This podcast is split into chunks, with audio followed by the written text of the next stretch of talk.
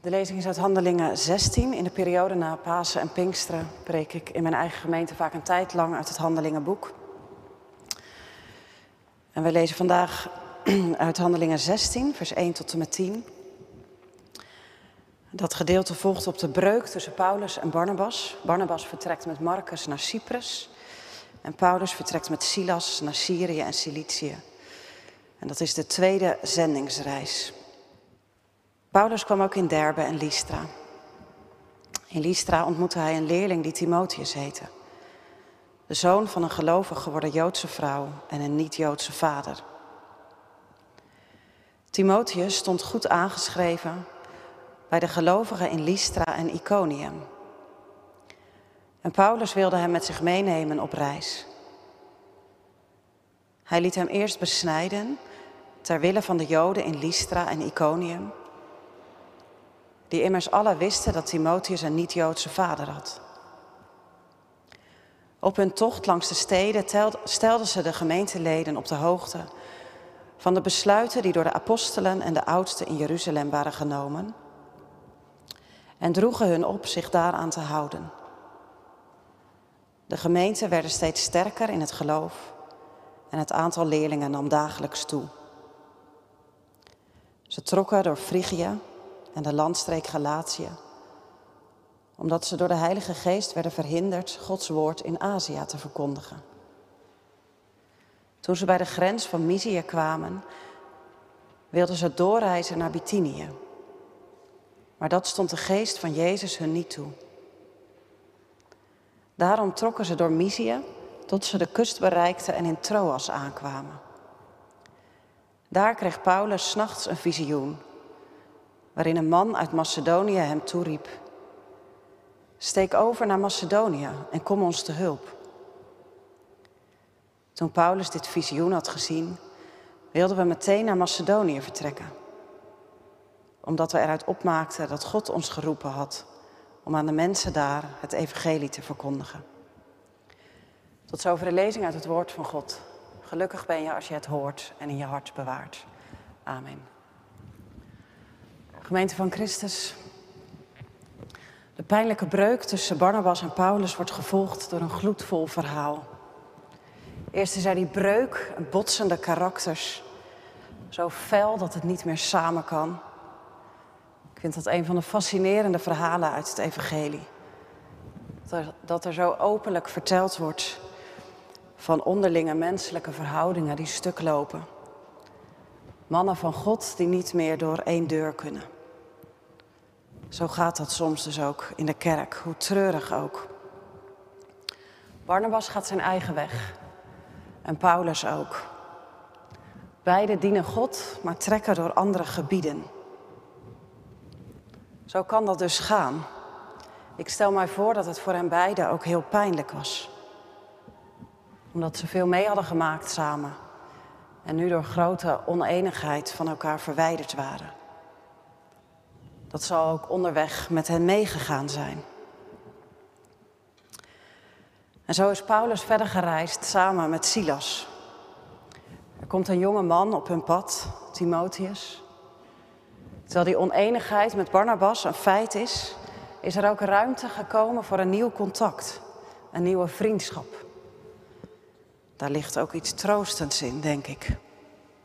Ik stel me voor dat Paulus en Timotheus in die tijd in Derbe en Lystra in korte tijd vrienden werden.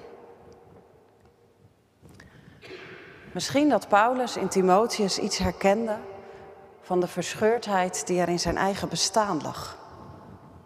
Het Joodse en het Griekse denken. Eerst een overtuigd fariseer en nu een gepassioneerd christen. En zo draagt ook Timotheus in zichzelf iets van die dubbelheid. Alleen al in zijn naam, een Griekse naam met een Joodse betekenis. Timao Theos. Hij die God vreest, hij die God eerbiedigt. Een mens die leeft van de woorden van God en ze ook doet. En daarmee God eert. Maar meer nog dan in zijn naam zit het in zijn bloed. Hij heeft een Joodse gelovige moeder. Eunice heet zij. En een Griekse vader, van wie wordt aangenomen dat hij niet gelovig was. Zo is Timotheus opgegroeid. Volgens de Griekse opvattingen een zoon van de Grieken. Volgens de Joodse wet, waar de lijn via de moeder loopt, een Jood. En zo draagt hij twee culturen in zich om.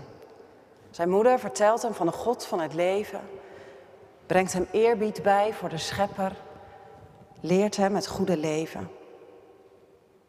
Zijn vader oefent hem in de sport, leert hem te offeren aan afgoden, brengt hem de verschillende filosofieën bij. Zo stel ik mij dat dan voor. Welke stemmen draag je eigenlijk in je om? Door wie ben jij gevormd? Meer en meer groeien we op in een cultuur met een grote meerstemmigheid. Er zijn zoveel verhalen die leidend zijn. Soms heb je er in je eigen leven twee of drie die de boventoon voeren. Als je vader gelovig is en je moeder niet, krijg je die verhalen allebei mee. Wanneer je ouders zich actief inzetten voor vluchtelingen, kijk je anders tegen de wereld aan dan wanneer je moeder racistisch is of je vader wantrouwend is naar anderen. Misschien groei je op met veel wantrouwen naar andere mensen.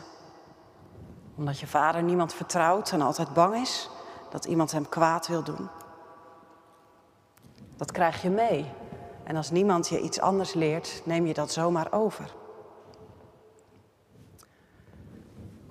Ik zie dat er ook een paar tieners bij ons zijn en misschien kijk je mee. Jullie bewegen je volop in een wereld waarin zoveel te zien en te horen is. Misschien kijk je veel filmpjes waarin geëxperimenteerd wordt met drugs of misschien luister je naar liedjes waar je eigenlijk toch best wel somber van wordt. Misschien ben je heel onzeker over de toekomst. Weet je allemaal niet zo goed hoe het eruit gaat zien. En voel je iets van de dreiging van deze tijd? En daardoorheen misschien wel de stem van het evangelie, van je opa of van een vriendin. Of... Soms is dat best vermoeiend, dat er zoveel in je ligt. Ik denk dat Timotheus er iets van kende. En ergens in Timotheus is de stem van zijn moeder sterk geworden. En is hij haar spoor, het spoor van de God van Israël, gaan volgen. Hoe gaat dat eigenlijk in je leven? Je bent hier of je luistert mee. Is dat vanzelf gegaan? Liepen de stem van je vader en je moeder of van je opa, liep dat gelijk met elkaar op? Of herken je iets van die tweestrijd van Timotheus of van Paulus? Van alles wat je hoort en wat er tot je komt en om aandacht vraagt? Er klinken altijd meer stemmen in je mee dan je zelf weet. Probeer je daar eens bewust van te zijn. Wat doet het bijvoorbeeld aan je? Dat ik niet zo vaak de tijd neem om te bidden, maar wel eindeloos series kijk met veel geweld of veel overspel. Of... Wat doet het aan je dat je rustig op de bank wilt zitten om iets te lezen en het niet kan laten om steeds je mail te checken of je Insta? Wat doet dat eigenlijk aan je? En heb ik de moed om mij daartegen te verzetten? Ergens in dat leven van Timotheus is een van die stemmen sterker geworden. Ik stel mij voor dat de Heilige Geest daarin werkt. Door de mensen die hij ontmoet. Door de kerk in Derbre en Lystra. Romeinse kolonies die leefden volgens de Romeinse wetten. Maar toch, zo waar, een klein kerkje. En precies daar komt Timotheus terecht. En Paulus helpt hem om zijn identiteit zichtbaar uit te dragen. Hij wordt besneden en zijn eerbied voor God wordt ook zichtbaar aan zijn lichaam. Onderschat dat niet hoe belangrijk het is wie je onderweg in je leven tegenkomt. Heb je een vriend die je vertrouwt of is het eigenlijk iemand die je elke keer naar beneden haalt, bij wie je heel onzeker wordt? Heb je een vriendin die je bemoedigt of voel je je eigenlijk onveilig bij haar en heb je geen vertrouwen dat ze jouw geheimen bewaart? Is er een ouderling hier in de kerk bij wie je intuïtief aanvoelt, bij hem of bij haar kan ik wel terecht?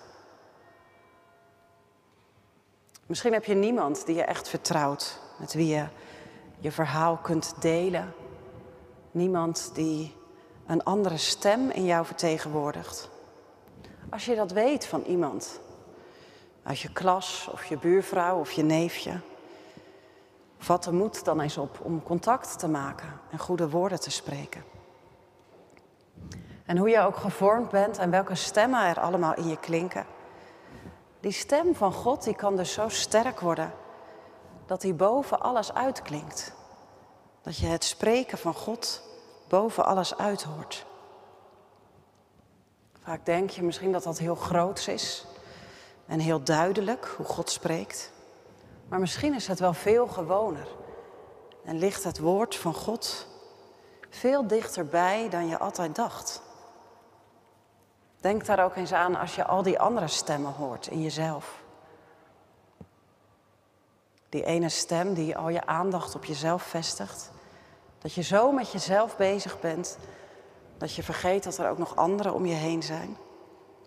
Of die nare stem die je keer op keer inprent dat je niks voorstelt. Of die onrustige stem waardoor je nooit meer rust en stilte hebt in jezelf. Of die stem die altijd twijfel zaait dat het niet meer lukt om te bidden. Dat je vertrouwen verdwijnt in God. Timotheus volgt de weg van zijn moeder. Je zou er bijna overheen lezen. Maar juist Timotheus maakt zichtbaar hoe belangrijk de rol is van een gelovige moeder of vader. Soms sta je er alleen voor in de overdracht van het geloof. Of in de zorg voor je gezin of voor je familie. Dat kan een grote last en verantwoordelijkheid bij je leggen. Maar aan Timotheus zie je ook wat het kan uitwerken. Soms al jong, soms pas veel later. Wat gezaaid is, bid dat dat door de geest van God wakker geroepen zal worden op zijn tijd. Vaak ligt je roeping niet in het hele bijzondere. Soms krijg je een hele specifieke roeping voor het ambt, voor de zending of voor iets anders. Maar vaker ligt je roeping toch in het gewone leven. Als ouder voor je kind, als leerkracht voor je leerlingen, als hulpverlener voor wie aan je zorg is toevertrouwd. Gewoon als mens voor wie op je pad komt. Paulus, Timotheus en Silas gaan op weg. Ze trekken door Klein-Azië, verschillende kerken zijn daar gesticht. Maar nu merken ze op de een of andere manier, wij moeten hier niet meer zijn. Wij moeten verder reizen. Tot twee keer toe grijpt de Heilige Geest in. Dat moet je je niet heel bovennatuurlijk voorstellen. Ergens is het een samenspel van praktische hindernissen en de geest die daar doorheen zijn weggaat. En die dingen komen samen waardoor die mannen merken, onze weg moet anders gaan. Tot twee keer toe gebeurt dat. Misschien eh, maak je dat ook wel eens mee in je eigen leven. Soms gaat het zo dat je plannen maakt en dat je ergens merkt dat ze doorkruist worden. Je kan er niet eens zo de vinger op leggen. Maar toch merk je, ik moet een andere weg gaan. En soms merk je dat pas gaandeweg, terwijl je al onderweg bent en weer terug moet keren. Paul Kingsnert, klimaatactivist, vertelt daarover. Misschien heb je het laatst gelezen in Trouw of in een nieuwe koers. Hoe hij in een droom Jezus ontmoette. En hoe hij tot twee keer toe een hele sterke weerstand voelde om naar plekken te gaan waar God hem niet wilde hebben. Die kracht en die droom, dat was zo sterk dat zijn leven een grootse wending genomen heeft. Een wending naar God toe. En zo komen Paulus en zijn mannen in Troas terecht, de havenstad. En daar valt er licht op hun weg. Zo helder dat ze meteen op weg gaan. Paulus krijgt een gezicht, hij krijgt iets te zien. Een droombeeld, een visioen. Soms is dat de manier waarop God iets van zijn weg duidelijk maakt. Het is maar een klein stukje, maar blijkbaar is het genoeg. Er komt een hele persoonlijke vraag naar Paulus toe. Een Macedonische man met een gezicht die hij kan zien en die hij hoort. Het is geen algemeen krantenbericht met een slechte toestand waar je zo overheen leest. Maar een mens die zo'n dringend beroep doet op Paulus dat hij het niet ontwijken kan. Zo komen de dingen tenslotte toch ook op je pad. Ik stel mij voor dat hier in de gemeente mensen hun huis en hun hart openstellen voor zomaar een vreemdeling of een bekende. Omdat je dat gezicht ziet en die stem hoort en je dat zo raakt, dat je meteen weet, hier ligt mijn taak voor vandaag. Wat morgen komt, dat zien we dan. Maar vandaag komt hij of zij op mijn pad.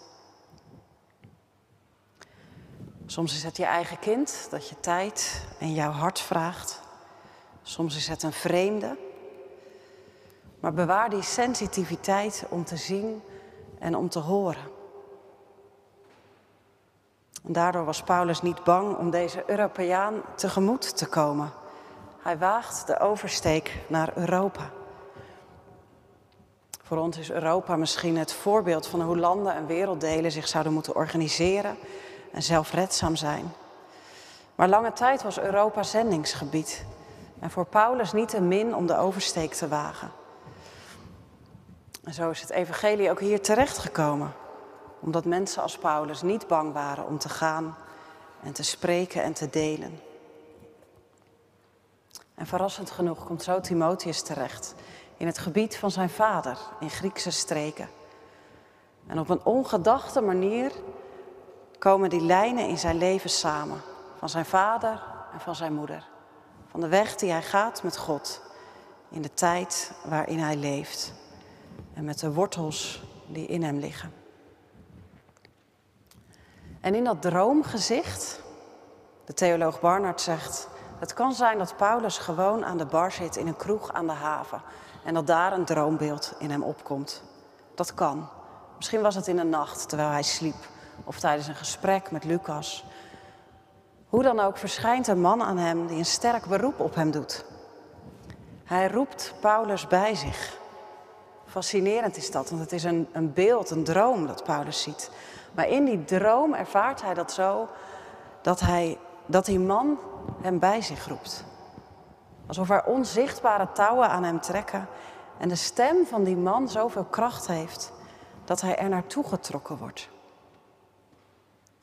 Lucas gebruikt het woord parakaleo, bij zich roepen. Dat woord wordt ook gebruikt voor de Heilige Geest. Als Jezus hem de parakleet noemt, de trooster, of hij die je erbij roept. Wie weet was er in Macedonië één man die met God vertrouwd was. En is dat een man die de leegte van zijn leven niet verdragen kan en die aan Paulus verschijnt? Help ons, vertel iets van de levende God. Kom hier bij ons. En in zijn roepen tot Paulus klinkt zomaar de Heilige Geest door, de parakleet. Hij die erbij geroepen wordt om de lege, stille ruimte waar God niet is, te vullen met de aanwezigheid van de levende Heer. En zo verweven al die stemmen en al die levens zich met elkaar. Die man roept Paulus bij zich. En in het roepen van een man is het God die spreekt door de Heilige Geest. En zo helder dat Paulus opnieuw zijn roeping verstaat. Ik moet gaan, ik moet die oversteek wagen. En zo komt in elk leven, bij jou, bij jou, bij elk van ons die stem van God tot je. Soms door een droombeeld, soms door een ander mens of in een kind, soms gewoon door een Bijbelwoord en elke zondag als het woord klinkt. Zo komt het spreken van God tot ons. Hij roept jou door zijn geest bij zich. Dat is de voortdurende beweging die God door zijn geest maakt. Niet altijd spectaculair, meestal niet, maar heel gewoon in het leven van alle dag roept God je erbij. Spreek, Heer, uw gemeente hoort. In de naam van de Vader, de Zoon en de Geest. Amen.